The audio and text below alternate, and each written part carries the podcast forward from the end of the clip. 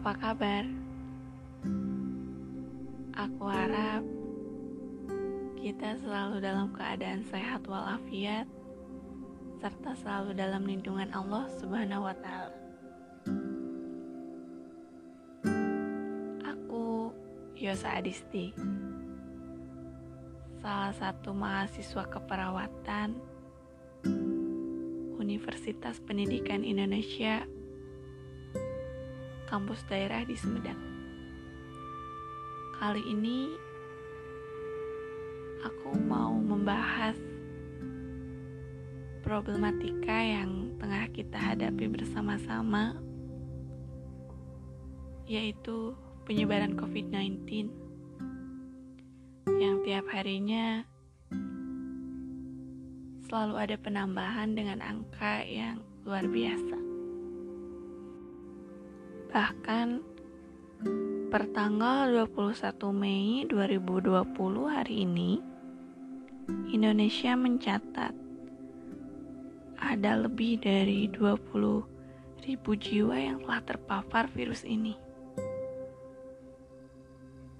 Dan yang sembuhnya mencapai 4000 lebih hingga yang meninggal ada 1200 orang lebih.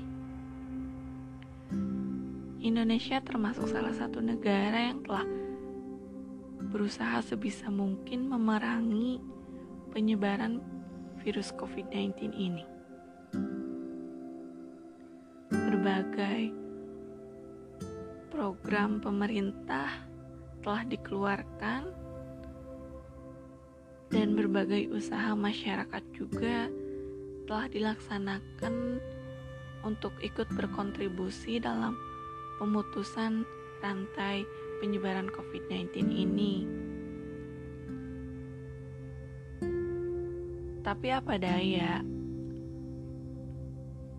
virus yang menyerang sistem pernapasan ini sangat cepat dan mudah menyebar dalam waktu yang sangat singkat. Dan yang paling mengkhawatirkan, virus ini tidak bisa dikendalikan apabila menyerang pada orang yang telah berusia tua. Kita akan melihat kematian yang sangat cepat apabila virus ini menyerang lansia atau balita di sekitar kita. Memang sangat mengerikan, tapi apabila kita mengikuti peraturan-peraturan yang telah dianjurkan oleh pemerintah, maka kita akan ikut berkontribusi dalam memutus rantai penyebaran COVID-19 ini. Bahkan itu tidak sulit, seperti kita mencuci tangan sesering mungkin, kemudian menghindari berjabat tangan dalam keadaan apa pun. Dan yang paling penting, stay at home. Mohon, untuk kali ini aja, kita diam di rumah. Membantu para medis dan pemerintah untuk dapat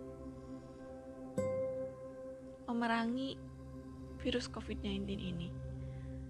Dengan kita berdiam diri di rumah, maka secara tidak langsung kita dapat menyelamatkan nyawa-nyawa yang tidak kita sadari.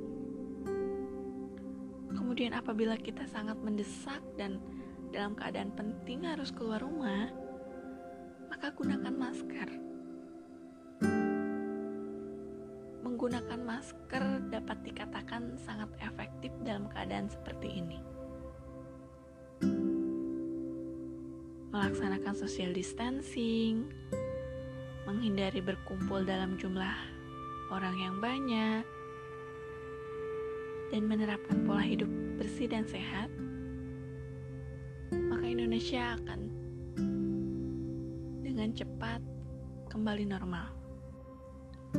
Para tenaga medis mulai kewalahan, pemerintah mulai kebingungan, dan masyarakat mulai tidak peduli dengan perkembangan virus ini. sangat miris. Indonesia kepedulian terhadap sesamanya masih sangat rendah. Banyak perawat yang dikucilkan di masyarakat. Penolakan jenazah COVID-19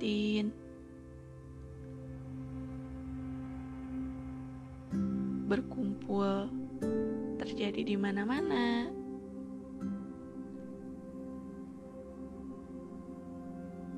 Tapi kita bisa. Saya yakin kita bisa.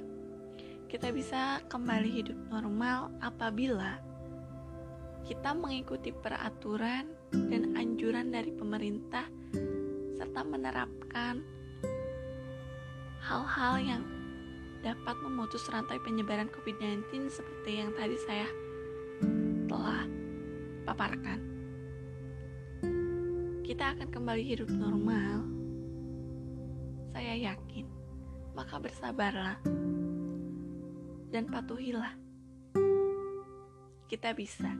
Indonesia bisa. Maka dari itu, mari kita bersama-sama memerangi COVID-19 ini dan membulatkan tekad bahwa Indonesia bisa. Dengan bersama-sama, dengan bekerja sama, saling mendukung serta saling menguatkan, maka kita akan dapat kembali hidup normal.